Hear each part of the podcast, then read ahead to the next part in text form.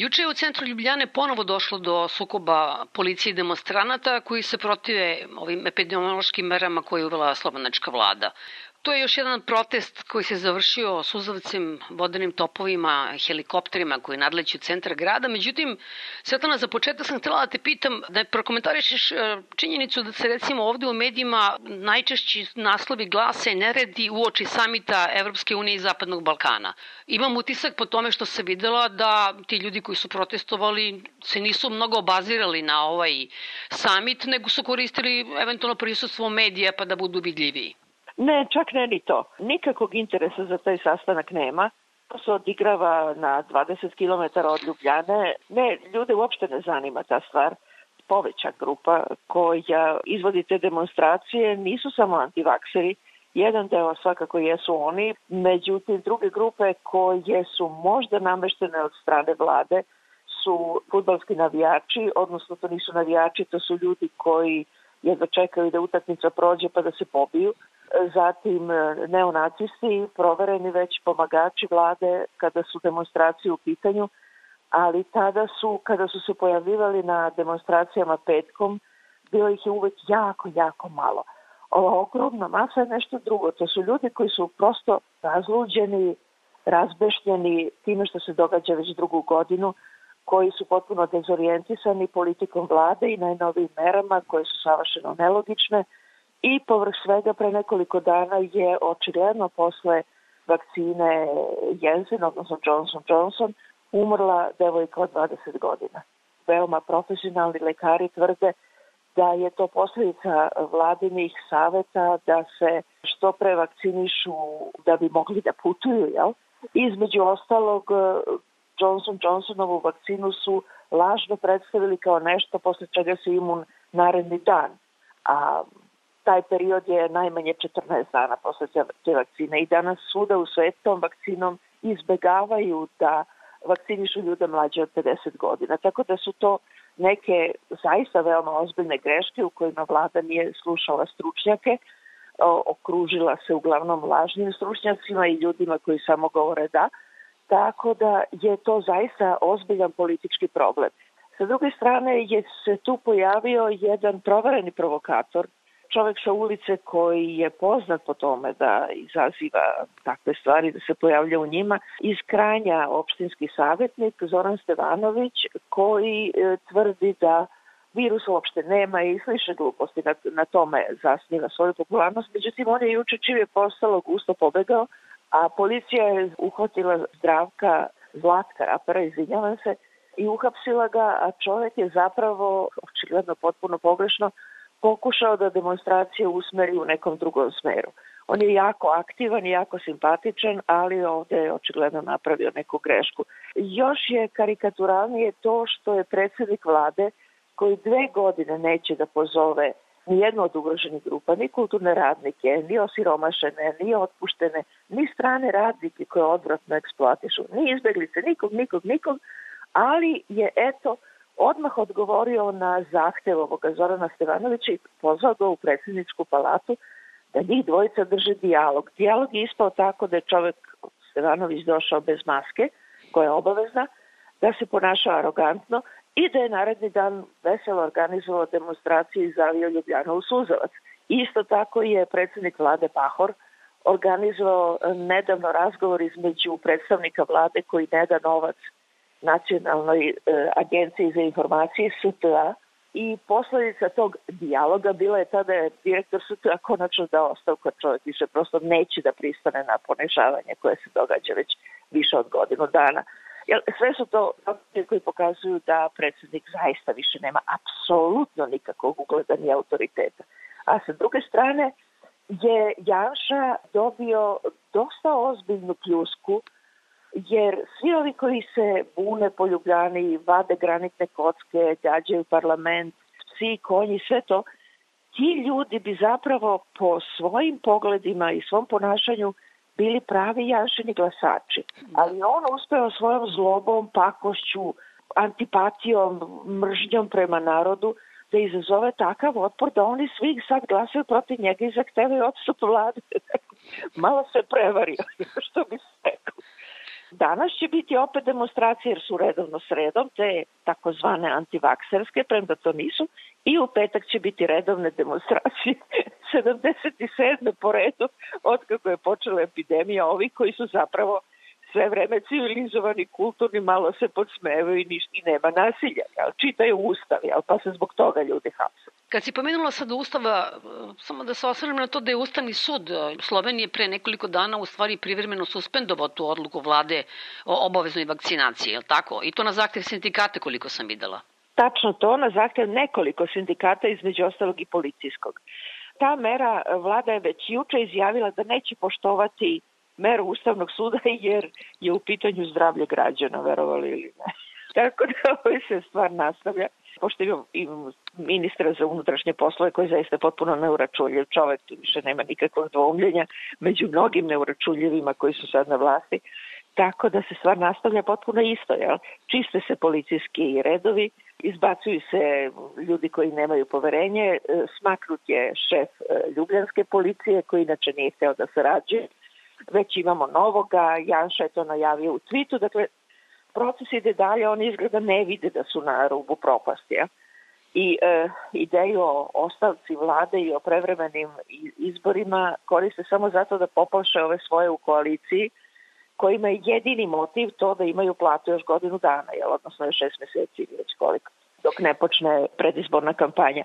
Problem je u tome što je Janša zaista sada ostao sam. On u tom trenutku ima te koristoljubive koji po svaku cenu hoće da još nešto izvuku od njega i zapravo neka mala grupa nesrećnika, uglavnom staraca koji nemaju više ništa sem verovanja u velikog junaka. Jer ostalo što je da zaista trebalo da bude nova Janšina izborna baza, to se sada pretvorilo u ogromnu silu protiv njega i kako da kažem, ne možemo se uzdržati da ne likujemo. Sad, na prema što porazgovaramo još malo o Janši i, i toj politici, samo na kratko, U Sloveniji, koliko sam videla, vakcinisano sa obe doze oko 47-48%. Svi su nekako očekivali da će to malo bolje proći u Sloveniji. Da li je to isto posledica tog um, haotičnih poruka i, i na neki način otpora tome što radi vlada? Kako ti to objašnjavaš? Mm. Apsolutno, nema drugog objašnjenja. Slovenija je visoko pismena zemlja, kako bismo rekli. Čovek bi očekivao da će vakcinisanje proći bez ikakvog problema i u ogromnim procentima, jer nas je malo, dva miliona je ovde ljudi, ali ne, ništa od toga, zato što su zaista poruke koje je vlada slala su bile haotične, antipatične, neprijatne, stalno se nešto dociralo, stalno se nešto grdio narod, stalno se nešto psovalo, prosto ljudi su izgubljeni u drugoj godini koja se praktično sad završava, više ne znaju šta bi od sebe. Jedino što im preostaje internet i na internetu škole su zatvorene, bile su više dugo vremena i na internetu dobijaju uglavnom džubre jel, koje internet prodaje o tome. Tako da problem je zaista u komunikaciji vlade. Zaista zvuči banalno, ali jeste problem je u komunikaciji. A vlada je pri tome, da se razumemo, od prvoga trenutka epidemiju kada je uzela vlast epidemiju zapravo shvatila kao svoje najjače sredstvo za održavanje i za korupciju. Bio je neviđen talas korupcije u prvome trenutku. Sve što se kupovalo od maske do vakcina, prijatelji su učestvovali preko noći, ništa nije išlo zakonito. Jedan od tih e, whistleblowera ili žvižda, zviždača, ne znam kako se to u srpskom ni kaže sad, je otkrio to već u drugom mesecu ove vlade šta se sve dešavalo, kako se je trgovalo. To se sve razjasnilo i od tog trenutka pa nadalje samo afera za aferom, samo afera za aferom. Ako se u korupciju krene, onda se odmah smenjuju tužioci, problematizuje se sudstvo, izbacivanje sudje, ubacivanje svojih najrazličitije stvari su se događale sve vreme, ali sve vreme, svaki dan, Sad je druga godina, ja ne mogu da setim jednog dana kad nije bio neki skandal. Meni je potpuno jasno da je strašno mnogo ljudi jednostavno puklo. I da je to puklo na ovaj način koji sad vidimo na ulicama. Nema druge. Nisu imali drugog načina. Niko ih ne sluša. Niko ih, im se ne umiljava. Niko im ne govori ništa prijatno. Niko ih ne, ne opominje, ne, ne posećuje. Nema čak ni ovih naročito formalnih, glupavih i nikakvih površinskih ali u svakom slučaju delujući gestova dobrote. I narod je morao reagovati. Poslednji put kad sam bila u Sloveniji, sećam se jednog flajera koji je glasio otprilike dođete u zemlju u kojoj kad god podignete pogled vidit ćete dva crkvena tornja. Kaži mi, molim te, kako je reagovala katolička crkva, da li su uopšte oglašavali, ali mi smo ovde imali pomor u sinodu. Kako je to u Sloveniji? Da li ona ima utica i da li su uopšte oglašavala? O, kako da ne. Crkva se oglašavala. Prvo dobila je privilegije, za razliku od svih ostalih koji su bili u lockdownu, crkva nije bila u lockdownu, jel? Mogu se ići u crkvu bez većih problema, nešto su kao ograničavali broj vernika, ali to se naravno nije poštovalo. Sa druge strane se crkva izlajala pa je nešto bila protiv neke vakcine koje upotrebljava tkivo embriona, opet neka glupost, jel? ali su se posle izvesnog vremena povukli. Dakle, oni idu uz vladu, ne izjašnjavaju se o tome da li su vakcinisani ili ne, Naravno, još jedan detalj, sveštenicima je podignuta plata, svi su dobili po 700 eura mesečno, ne jedan put. Dakle, dobili su gomilu darova, malo su vrludali i onda su prosto, oni stalno učestvuju sa svojim e, manifestacijama, stalno učestvuju sa svojim izjavama i poslednja izjava, to moram da kažem, to više njeni biser, to je dijamant. Bile su demonstracije prošlu subotu protiv abortusa protiv izvođenja abortusa. To je jedna grupa koja se manje više stalno pojavljuje kad je Janši potrebna, a i Janša sam je u Budimpešti nedavno izjavio da je osnova društva tradicionalna porodica. Dakle, oni su se pojavili i tu na tom skupu je govorio nadbiskup Zore. I nadbiskup Zore e, je napravio prelepu grešku i rekao je da ljudska prava treba da važe od rođenja, do smrti, što je naravno veoma logično. Dakle, potpuno je zapustio onu teoriju o tome da život počinje od začeća i tome slično. Tim malim potezima Janša pokušava da se spase, ali više ne može da se spase, jer je stvarno otišao davno, davno preko, preko ivice. Tako da crkva igra svoju malo podlu ulogu i to je nekako to. A što je sa lekarima? Većina lekara je jednostavno izbezumljena uviđaju da nemaju dovoljno osoblja, pre svega medicinskih sestara koje masovno beže u Austriju.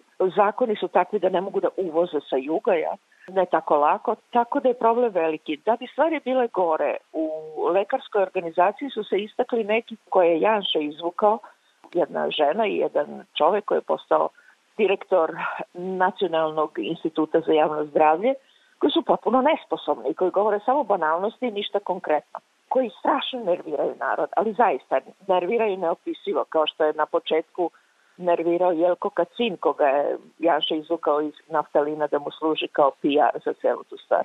Lekari su zbunjeni, ne previše, jer im je za vreme epidemije znatno povećana plata, koja inače među najvišim u Sloveniji. Lekari dobijaju najviše novca u Sloveniji, ali je jedna politika koja se sada sprovodi ta da se tokom epidemije manje više neprimećeno izvede privatizacija zdravstva. I to je skandal svoje vrste, da se neka politička linija provlači kroz epidemiju. Tako da e, ja mislim da je zdravstvo u, u prilično izbezumljenom položaju zato što plate istovremeno nisu povećane sestrama. One imaju minimalne grozne plate za koje se zaista ne, nema smisla boriti, ali raditi i ostajati. Dakle, haos je potpuno, ima jako mnogo lekara koji vrlo razumno govore. Da bi stvari bile gore, ima relativno malo, u Sloveniji ima relativno malo epidemiologa. Ti pravi za tu stvar. Njih e, skoro niko ne sluša i kada se jave sa svojim jako razumnim zahtevima i razumnim idejama o tome što treba da se radi, jednostavno niko ne sluša. Nestručni glasovi prevladavaju, a sa druge strane, kažem, ta zbunjenost zdravstva je dosedla vrhunac zbog očiglednih namera da se privatizuje zdravstvo što je moguće više. Ti si u nekom intervju koji sam gledala si rekla da bez obzira što recimo ovi protesti su često upereni protiv Janša ili te politike, iako dele mnoge vrednosti kao i Janša, da oni idu u korist Janši, je li? Mhm. Na koji način mu to sada može koristiti, odnosno ne sada, nego već neko vreme? E, jedina korist koju on još misli da može da izvuče, mislim da misli, može da izvuče, jeste da uvede vanredno stanje. To je još jedino što može da uradi. Što bi bio verovatno potpuni kraj te vlade. Druge koristi više nema. Sve je izgubio. E, on se zaista ponašao, kad kažem neuračunljivo, to da je jedan blag izraz, ali obuhvata veoma veliku mogućnost kombinovanja i različite varijante. On je u trenutku kad se te stvari događaju sebi izvoleo da se penje na nekakav napušteni dimnjak, inače najveći u Evropi, blizu Trbovlja, gde je pristup zabranjen i tome slično, ali eto on kao predsednik može da pokaže kakav je on alpinista i takve stvari. Čovek radi stvari koje se više zaista ne mogu razumeti, jel? kao i njegova vlada u celini. To više prosto nema smisla u, ulagati pamet u to da se, da se nešto razume što se ne može razumeti. Jel? Tako da on više nema nikakvih izlaza i te masovne demonstracije koje su možda u jednom trenutku bi mogle da budu njegovo područje, potpuno su mu izmirali iz ruku i nema više nikakve vlasti na tim. Stvarno je tragično, on je praktično u trećem mandatu u Sloveniji i evo već sada koliko ja znam, on drugi put već predsedava Evropskom unijom danas na brdu kod Kranja. To je onako jako poražavajuće. Jeste poražavajuće, to je kalendar. Nažalost, kalendar je poražavajući, Jasne, tako da. mu se desilo. Prva vlada Janeza Janše se završila time što je izgubio, jer su bile afere. Druga vlada bili su masovni protesti pa je morao da ode i treća vlada nema druge nego da ode. To je sad već potpuno jasno da je čovek dokazano nesposoban da vlada. Prosto najnaivnija moguća pouka je da ne može biti zloban vlada. to je osnovno. Međutim, ima i mnogo drugih aspekata. Ta masovna krađa, to neskriveno korumpiranje, neviđen nepotizam, razmeštanje kadrova koje će biti, to će biti veoma veliki problem za e, narednu vladu. Koja god da bude, ta vlada će pre svega morati da se bavi tom neviđenom količinom džubreta i sasvim sigurno neće biti efikasna. Ne, ne može biti efikasna kad mora time da se bavi. Jel? I pitanje da li će se uopšte baviti najopasnijem aspektom Janševe, Janšine politike, a to je da je svuda, ali apsolutno svuda namestio svoje ljude sad stotine i stotine ljudi izbaciti, to je zaista veliko pitanje. Ako on sada hoće da zaposli još neki, nekoliko stotina ljudi u vladinim institucijama i to će sad biti još histeričnije jer sluti pad. Jel? Tako da je stvar je neobično ozbiljna sa, sa jako, jako mnogo aspekata. Jel? I e, tragovi njegove vlade uvek uzimaju bar tri godina, godine e, novoj vladi da se time bavi krpi, rašiva, ponovo šije i tako dalje. A on je u stvari sada u ovom društvu Orbana, Moravjetskog i tih momaka Više u Evropskoj da. uniji, da. tako, koji... Da, da, da. Oni se sad bave time da žene rađaju što više, ali u tradicionalnoj porodici. Janša kao jedan put razvedeni sa mnogo dece koje sve uredno zaposlio, dece iz prve generacije, u evropskim i drugim uredima, jel, to je valjda uzor tradicionalne porodice sa ženom mlađom 20 i nešto godina i tako dalje i tako dalje. To su ti ideali koji nam se nude, jel, Orban i njegovi češki predsednik oženjen ženom koja je valjda 30 i nešto ili 40 godina mlađa od njega, itd., itd., jel, da ne govorimo više, to je cela stvar je više direktno komična kad se oni okupe u Budimpešti i savetuju i u ženama. Tako da stvari su veoma ozbiljne zato što se pravi jedna grupacija u Evropskoj zajednici koja definitivno radi protiv Evropske zajednice. Tu više nema nikakvog dvoumljenja. Da. I to što recimo Ustavni sud donosi jednu odluku ili je juče doneo novu odluku po kojoj dvoje tužilaca koji su bili izabrani od strane tužilaca za evropsku, evropski nivo nisu mogli da odver vlada nije htjela da ih e, proglasi to je trajalo i trajalo i trajalo i juče konačno sud rekao bez mogućnosti priziva da moraju da idu. E sa šta će da se desi? Desit će se isto ono što se desilo sa Nacionalnom agencijom za informacije. Janša je pre četiri meseca obećao For Lajanovoj da će tu agenciju finansirati. Ona je sad drugi put došla u Ljubljanu, on to nije uradio, direktor je odstupio. Dakle, drugim rečima, lagao je predsednici Saveta Evropske zajednice. Šta više od toga? Tu više nema, nema šta da se kaže. Svetlana, mnogo hvala na razgovoru. Hvala, sve najbolje.